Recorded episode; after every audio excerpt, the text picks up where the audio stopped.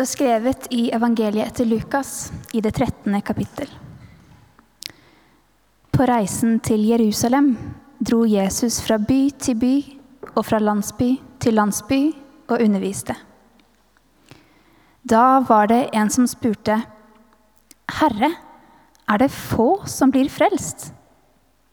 Han sa til dem, 'Kjemp for å komme inn gjennom den trange døren.' For jeg sier dere, mange skal forsøke å komme inn, men ikke klare det. Når husherren først har reist, reist seg og lukket døren, og dere blir stående utenfor og banke på og sier, 'Herre, lukk opp for oss.' Da skal han svare, 'Jeg vet ikke hvor dere er fra.' Da vil dere si, 'Vi har jo spist og drukket sammen med deg.' og du har undervist på gatene våre. Men han skal svare, Jeg vet ikke hvor dere er fra. Bort fra meg, alle dere som gjør urett. Der skal dere gråte og skjære tenner når dere ser Abraham og Isak og Jakob og alle profetene i Guds rike, mens dere selv blir kastet utenfor.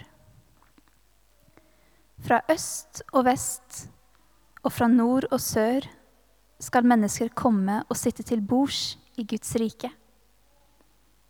Da skal noen som er de siste, bli de første, og noen som er de første, bli de siste.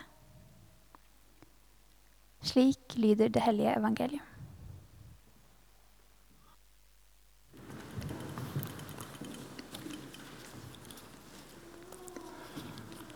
Det føles litt sånn merkelig og etter noe så stort som en dåp skulle bare gå videre og snakke om en eller annen tekst fra Lukas. Men sånn er det nå. Så får vi også denne teksten, da, som er fullspekka med tematikker som er ganske vanskelige. Himmel og helvete, synd og fortapelse, en Gud som smeller igjen døra. Ganske mange ting vi kunne brukt som man egentlig bør bruke god tid på å gå inn i. Og Det har vi tenkt til. Vi skal en liten snikreklame. 19.11. kommer biskop Halvor Nordhaug hit um, på det vi kaller Fokuskveld en torsdag. og Da skal vi snakke om um, fortapelse, om himmel, om helvete. De vanskelige spørsmålene. Få med dere det. I dag så har jeg lyst til å fokusere på et litt annet spørsmål. Sirkle inn på et spørsmål som dukker opp i denne teksten, som jeg tenker er relevant for hver enkelt av vår sin hverdag. En mann kommer fram til Jesus og spør Du, Jesus, er det få som blir frelst, eller? Underforstått. Åssen står, står, det til med meg her? Hva må egentlig til? Er jeg god nok? Hva må jeg eventuelt gjøre mer? Dette er spørsmål som er ganske gjenkjennelige for dere som kanskje nærmer dere eksamen. kanskje. Og det er også gjenkjennelig for alle som noensinne har måttet forholde seg til en sjef. Eller sitt eget selvbilde. Eller mennesker rundt seg. Er jeg egentlig god nok? Det lurer vi alle på. Og jeg hørte en interessant podkast den siste uka med en dyktig teolog som heter Åste Dokka. Og Hun tar opp dette med 'god nok' og sier eh, noe som jeg følte meg veldig truffet av. Nemlig at vi i kirka roper i ganske mange settinger ut 'Du er god nok'. Og vi gjør det med det ønsket om å møte alle oss som til stadighet spør seg er jeg god nok i så mange forskjellige settinger av livet. Så ønsker vi at kirka skal være en plass fylt av nåde, hvor du kan puste ut, hvor du kan bare være verdifull og elska. Og det er jo sant, og jeg merker jeg ønsker å formidle det. Men ordene 'god nok' det bommer jo egentlig på målet. Fordi om god nok finnes, så må det også være en slags rangering. Skjønner du hva jeg mener? Da er det med en gang en skala her. Men Gud han møter oss ikke med liksom det der rangerings- det der måleblikket som vi ser så mange ting gjennom. Gud møter oss med nåde. Og Det gjør Gud egentlig ganske vanskelig å forstå for oss som er litt sånn obsessed med å få liksom kontroll på livet. Og kanskje i litt for stor grad se på livet som en sånn to do-sjekkliste.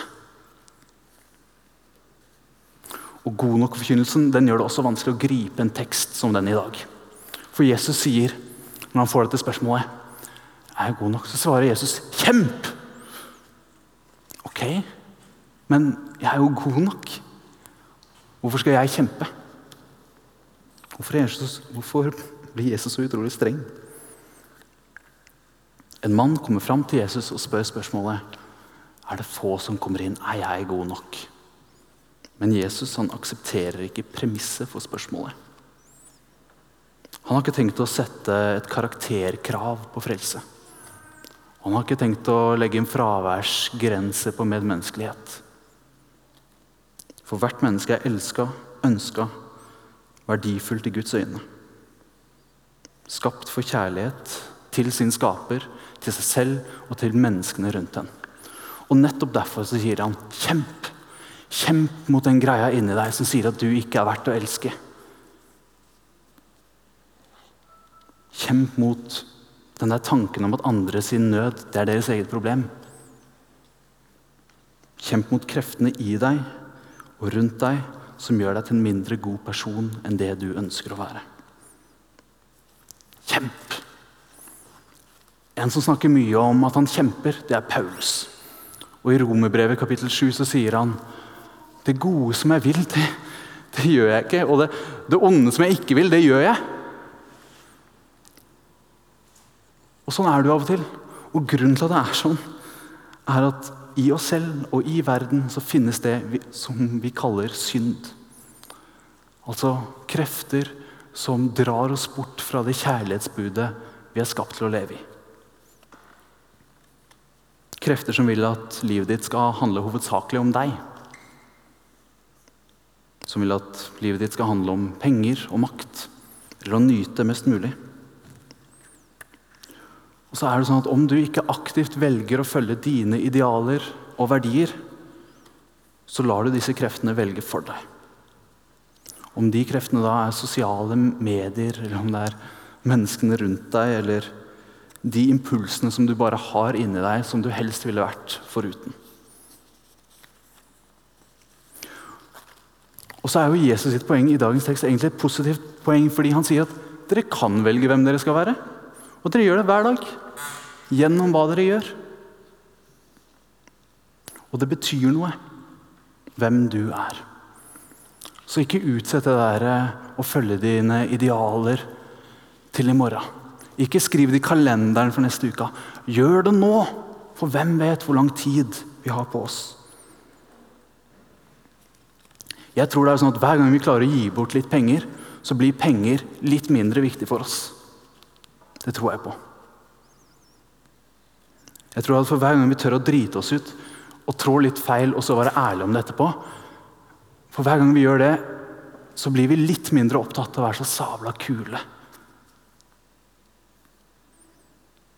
Jeg tror at hver gang vi tåler en venn sin sårbarhet, eller utsetter oss for et annet menneske sin nød, så blir vi mer medfølende. Så ved å elske så lærer vi hva det er å elske. Sant? Og det, det, finnes jo noen sånne folk som er sånn Wow, du er helt fantastisk! Nelson Mandela. ikke sant? Uh, Mor Teresa, Martin Luther King. De er så bra. Hvordan får de til? Hvordan gjør de så mye godt? Og så har vi de menneskene som er bare rake motsetninga. Som gjør andre ting mot andre mennesker. Og lurer på hvordan er det mulig? Hva har skjedd? Så er det sånn at Ingen mennesker er født helgener eller skurker. Men de har tatt noen valg, ubevisste eller bevisste, underveis. Snart skal vi få høre en sang som jeg spurte Thomas om vi kunne ha i dag. Og så sa han ja. Um, den heter 'Matter of Habit'. Og Den er skrevet med bakgrunn i israelske soldater sin opplevelse av å være med på okkupasjonen av Palestina. Men den sangen forteller også noen sannheter utenfor den konflikten aleine. Den sier «Learning to fear is a matter of habit». Cruelty is a matter of habit. Learning to kill is a matter of habit. The more you've done it, the better you're at it. Det handler om vane. Og Den forteller om hvordan vi som mennesker kan bevege oss i forskjellige retninger. Hvor lett det er å dyrke hatet, frykten, bygge murer. Fokusere på forskjellene. Og Du kan til og med gjøre det til den graden at du ikke lenger ser at de der borte de er faktisk et menneske like verdifullt som meg. De der borte, de er jo idioter. Se på hvem de har tenkt å stemme på. De skjønner ingenting. Ah, de folka der, de er onde. De skjønner ingenting. De er håpløse. De menneskene der er de. De fortjener den gjørma de lever i. Legg merke til teksten. Jeg syns den er veldig sterk. Den sier noe om hva vi mennesker er kapable til i kraften av en vane. Og heldigvis så kommer det et siste vers. Og det er sånn Learning to love is a natural thing. It will find a way if you just let it in. Det fins en annen vei, som ikke handler om å prestere noe, men som handler om å ta imot det du blir gitt. Ikke å prøve å gjøre seg fortjent til noe, men tåle å bli elska med alt det som er godt, og alt det som ikke er så godt. Og Derfor er det fantastisk at Solveig er her i dag. ikke sant? For det bare highlighter dette så perfekt. I seg selv så minner det oss på at dette med Gud og oss, det handler ikke om noe vi har fått til. Du kan til og med sove mens det skjer. ikke sant? Like virkekraftig er det. For det handler ikke om at vi skal vise det prestasjoner og heltedåder. Men det handler om at vi trenger Gud, vi. Og han ønsker å møte oss akkurat som vi er. Det er det vi så når, øyn, når vi rett for øynene våre så ble Solveig båret fram. Hun kan ikke gå engang, skjønner dere? Selv om jeg vet hun har ganske lyst til å gå. Det kommer til å komme.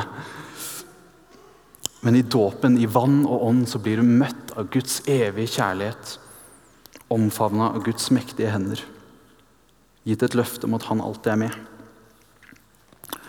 Og bare sånn at du vet det, selv om du kanskje ikke er like søt som Solveig, så gjelder det for deg òg. Om vi bare venner oss til Han og innrømmer at vi trenger Gud, så er det der. Just, just let it in. Guds kjærlighet og tilgivelse som er der uforbeholdent. Det vil si at det har ikke noe å si hvor mange ganger du ikke klarte å leve opp til idealene. Det er det som er nåde. Ufortjent kjærlighet. Så hvis du kommer med spørsmålet til Gud og spør er jeg god nok, så må jeg bare si at Gud opererer ikke med sånne skalaer. Kjærligheten opererer ikke med ordet 'nok'. Og det finnes ingen 10% fraværsgrense for medmenneskelighet. Men Gud elsker deg. Og ingenting du gjør, kan endre det. Og det er det som er vår trygghet. Det er det som er vår base. Det er det som gir oss mot og kraft til å stå opp neste dag i kampen for det gode, mot det onde, for en bedre verden. Så kjemp! Hæ? Og husk det dere fikk i dåpen. Det er grunnlaget.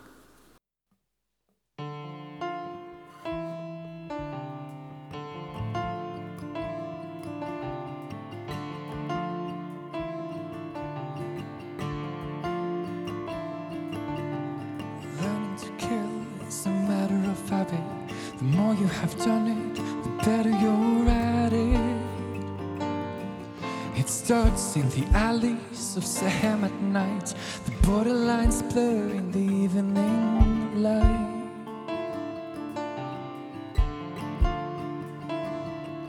A rifle burnt bangs on an old rusty door.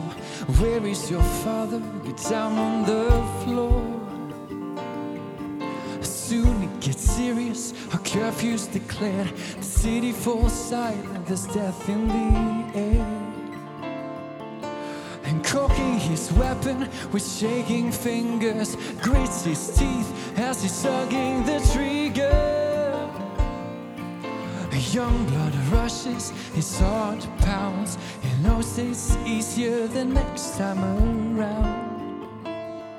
They put objects in shadows, not women and men. Learning to kill is a natural thing.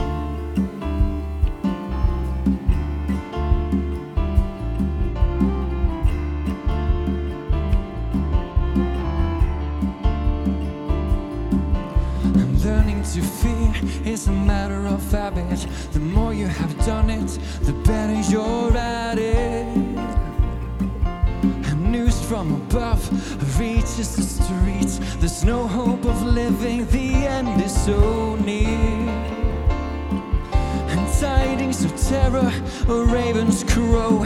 Shutter your windows, lock up your home. We're just a handful, a tiny country surrounded by evil. They won't let us be. They have hate in their hearts, and in all that they bring. Learning to fear is a natural thing.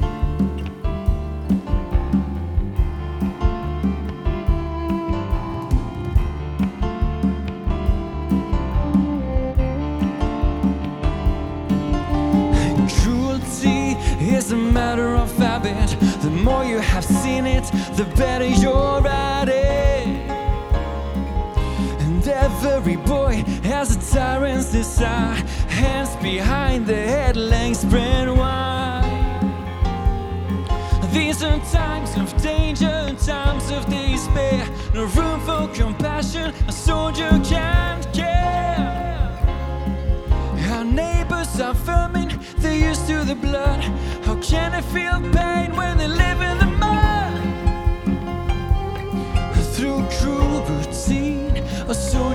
born. Ignorance soon turns to evil in war. Oh, Israel's land is for Israel's kin. Cruelty comes as a natural thing.